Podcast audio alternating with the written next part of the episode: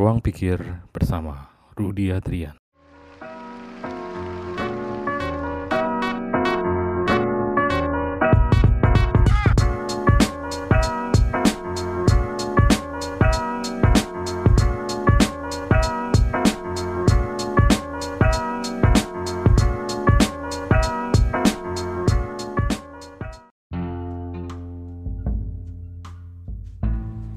Halo, ketemu lagi bersama Rudi di Ruang Pikir with Rudi. Apa kabar? Semoga teman-teman semua dalam keadaan sehat, ya, produktif. Jangan lupa untuk selalu jaga jarak, jaga kesehatan, olahraga.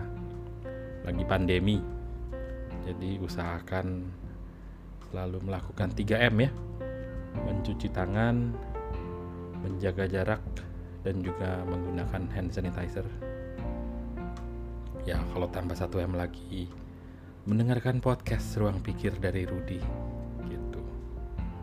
Nah terima kasih sudah meluangkan waktu untuk dengerin podcast saya hari ini. Nah saya nggak mau ya waktunya sia-sia ya dengerin podcast saya. Saya mau memberikan ya suatu informasi yang tentunya akan ada gunanya pasti buat yang dengerin. Ya gunanya mungkin konfirmasi atau gunanya juga bisa sebagai informasi yang baru. Jadi di episode kali ini saya mau bahas yang kebetulan baru kejadian tadi nih. Saya kebetulan punya tim yang gak kebetulan ya. Saya itu dalam satu tim diberi kesempatan memimpin satu tim.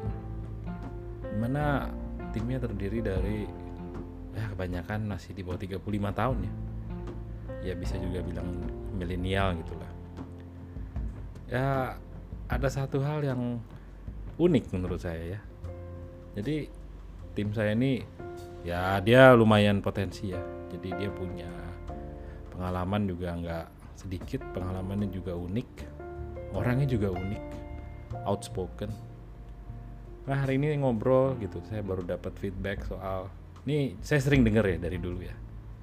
Jadi mengenai dia itu punya satu objektif dan objektif itu membutuhkan dia untuk bisa persuade orang lain untuk mengerjakannya untuk dia gitu. Jadi dia tuh saya tanya apa progresnya so far? Ternyata progresnya nggak terlalu bergerak jauh dan ternyata kalau ditanya kenapa ini yang unik ya menurut saya. Dan kita sendiri pasti pernah ngalamin lah. Jadi dia tuh harus minta tolong ke orang lain gitu untuk mengerjakan hal ini di mana nanti hasilnya ya lebih banyak dia yang mendapatkan atau menikmati. Nah dia berasa bahwa minta tolong itu menimbulkan pemikiran-pemikiran yang duh nggak enak ya minta tolong sama dia. Apa kata dia kalau gue minta tolong ya? Duh nih orang ngerepotin banget sih udah minta tolong. Jadi dia tuh punya pemikiran-pemikiran yang kalau dalam bahasa di kantor tuh fear of rejection ya.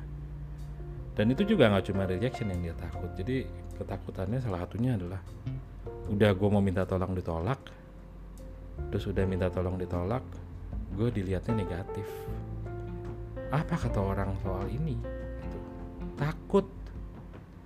Nah ini takutnya lucu ya. Jadi takut ditolak takut nggak disukain takut orangnya tersinggung. Nah yang karena saya juga pernah belajar NLP ya. Nah kalau balik ke zaman saya dulu pertama kali NLP saya tuh belajar NLP karena saya punya banyak pikiran ya ya banyak pikiran atau bayangan yang saya create sendiri.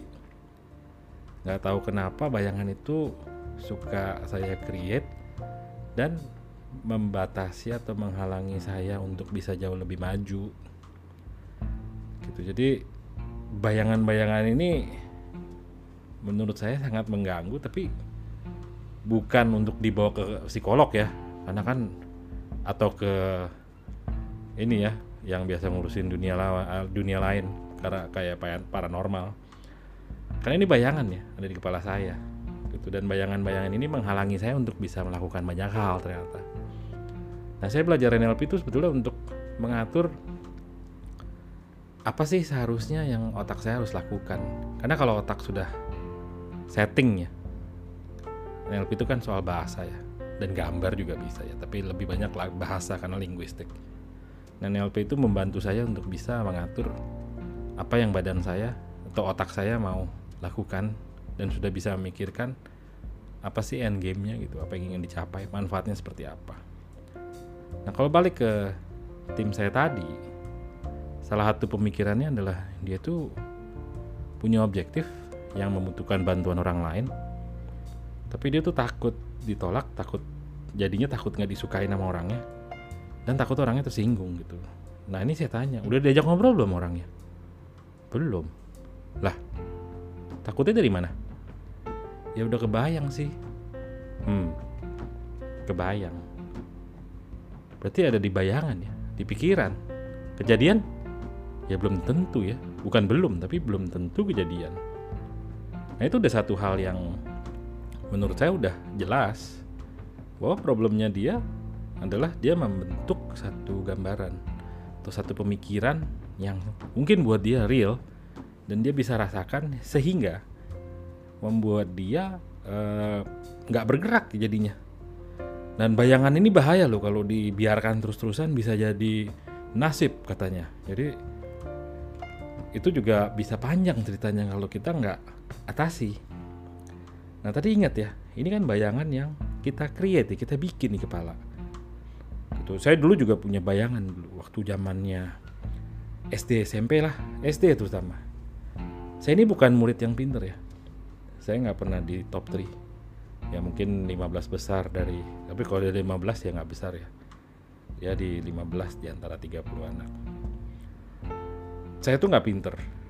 Uh, tiap ulangan ya saya within the limit lah 6, 7, kadang 8 juga untungnya. Cap cip terus dapat 8 nah waktu itu ada ulangan umum ya kalau nggak salah. Nah ulangan umum itu saya selalu kebayang saya tuh gagal. Saya selalu kebayang tuh kalau saya gagal ulangan umumnya jelek itu dimarahin sama ayah saya ya. Kalau dulu zaman ayah saya tuh karena saya bandel ya jadi ayah saya keras jadi saya selalu mikir waduh nih kalau rapotnya jelek disetrap.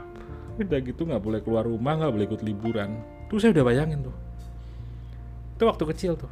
Waktu kecilnya udah kayak gitu ya udah udah punya bayangan betapa sakitnya liburan nggak bisa ke mana-mana karena disetrap sama orang tua karena nilainya jelek. Terus saya udah bayangin tuh. Nah saya tuh punya temen dari kecil ya. Uh, teman baik dari saya TK dari zaman masih pakai celana monyet kejebur di got bareng-bareng ke, uh, dikejar-kejar anjing berdua gitu. Teman dari kecil. Dia juga nggak pinter-pinter banget ya. Tukang nyontek lagi. Tapi kalau nyontek dia pinter. Dan itu selalu bilang gitu. Ruth kok pucet gitu kata dia. Saya masih kecil loh ini. Kenapa pucet? Takut nggak naik kelas. Loh kenapa? Kan lu belajar katanya. Ya dia agak jauh ya orang Magelang tapi takut katanya. Ya belajar aja kan udah tahu belajarnya apa katanya. Padahal saya ngeles loh waktu itu.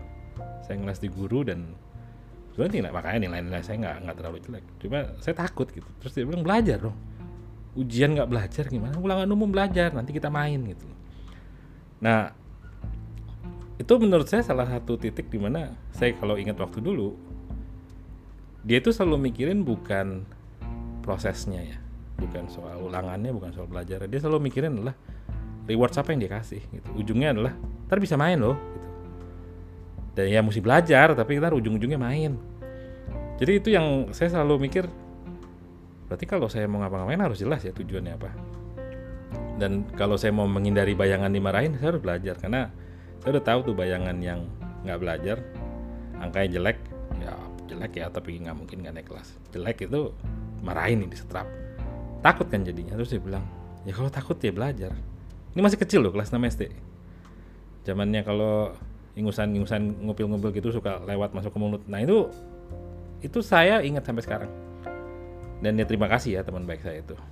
Gitu. Jadi balik lagi ke tim saya tadi. Dia tuh punya pikiran yang dia create bahwa kalau saya mau minta tolong ngomongnya begini dia akan nolak gitu loh. Temennya akan nolak. Ya jadi dia udah punya bayangan ditolak loh. Tambahan lagi adalah ntar kalau udah dikerjain terus hasilnya jelek dia malah tambah nggak mau ngerjain kerjaan gue tambah mana suka sama gue kan jadinya susah. Lah lu baru mikir aja udah kayak begini.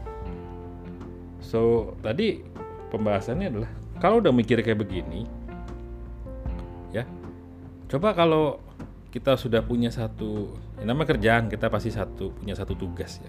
Tugas itu pasti ada pengukuran atau ada tujuannya gitu gimana mau mikir majunya kalau yang dipikirin mundurnya jadinya nggak bisa maju jadinya tahan kan dipikirin jeleknya dulu jeleknya jelek yang dia akan dapatkan, kekurangan yang dia akan dapatkan, atau ketidaksukaan yang dia akan alami gitu. Jadi step pertama yang kita agree untuk lakukan dan dia juga ngerasa sih, iya ya nggak maju-maju ya.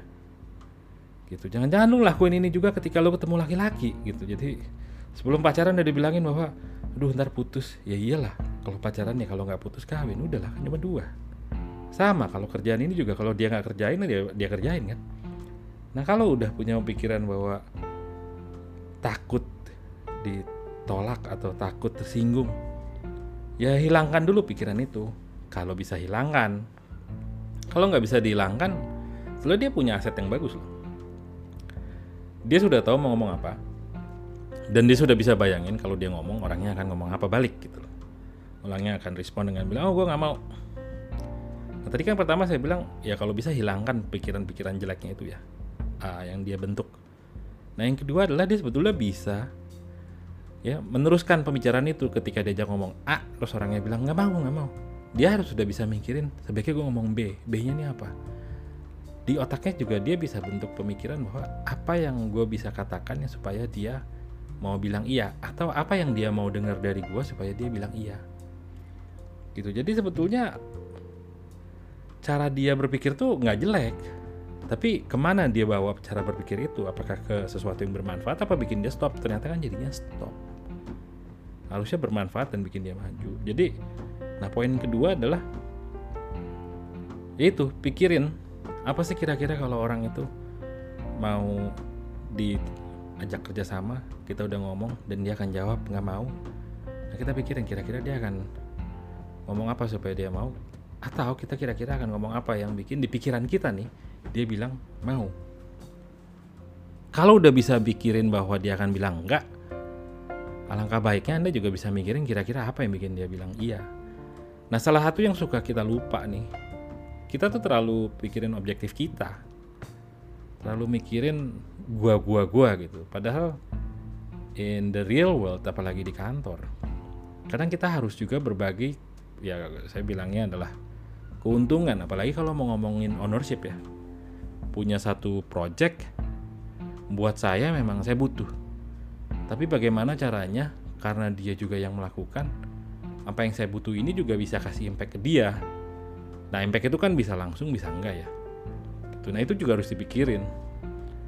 Jadi think of the end state uh, end objektifnya buat saya apa dan apa yang bisa beneficial buat dia. Gitu. Ya kalau kita mau maju dan butuh orang lain ya majunya harus bareng. Don't think about yourself. Betulnya kuncinya buat saya adalah start thinking about yourself. Start thinking about yourself ya. Bukan thinking only about yourself start thinking about yourself and how other can help you and how you can help others jadi itu kalau pernah punya perasaan dan ini menyangkut tentang anda butuh bantuan orang lain untuk achieve objektif anda dan keli, apa keluar bayangan-bayangan mengenai rejection, dislike, singgung. Ingat, itu di-create oleh pikiran Anda sendiri. So you are the creator. First thing you can do is get rid of that creation. Or kalau memang susah karena tergantung ya ada orang yang hobinya masukin uh, pemikiran-pemikiran negatif. Nah, kalau kayak gini biasanya jadi auditor ya, akuntan. Jadi get rid of those thinking. That's the first one. Second, define your objective ya dan how it can be beneficial for other. Jadi kalau objektifnya jelas mau ngapain dan untungnya bisa dibagi, make sure itu ada. Dan yang ketiga adalah when you have those thought ya, try to extend the thought. Gimana caranya the person that I imagine talking to and said no, the person will say yes. What did I say? Gitu. Jadi bayangin, ya kan yang jelek bisa dibayangin kenapa yang nggak bagus yang bagus juga bisa dibayangin kan gitu kalau mau latihan ya sambil merem dengerin musik yang tenang tapi harus selalu put in mind objektif yang beneficial buat anda dan rekan anda tuh jelas jadi dia dapat efeknya juga efek yang bagus gitu siapa sih yang nggak suka sesuatu yang beneficial buat dia kan So think of that.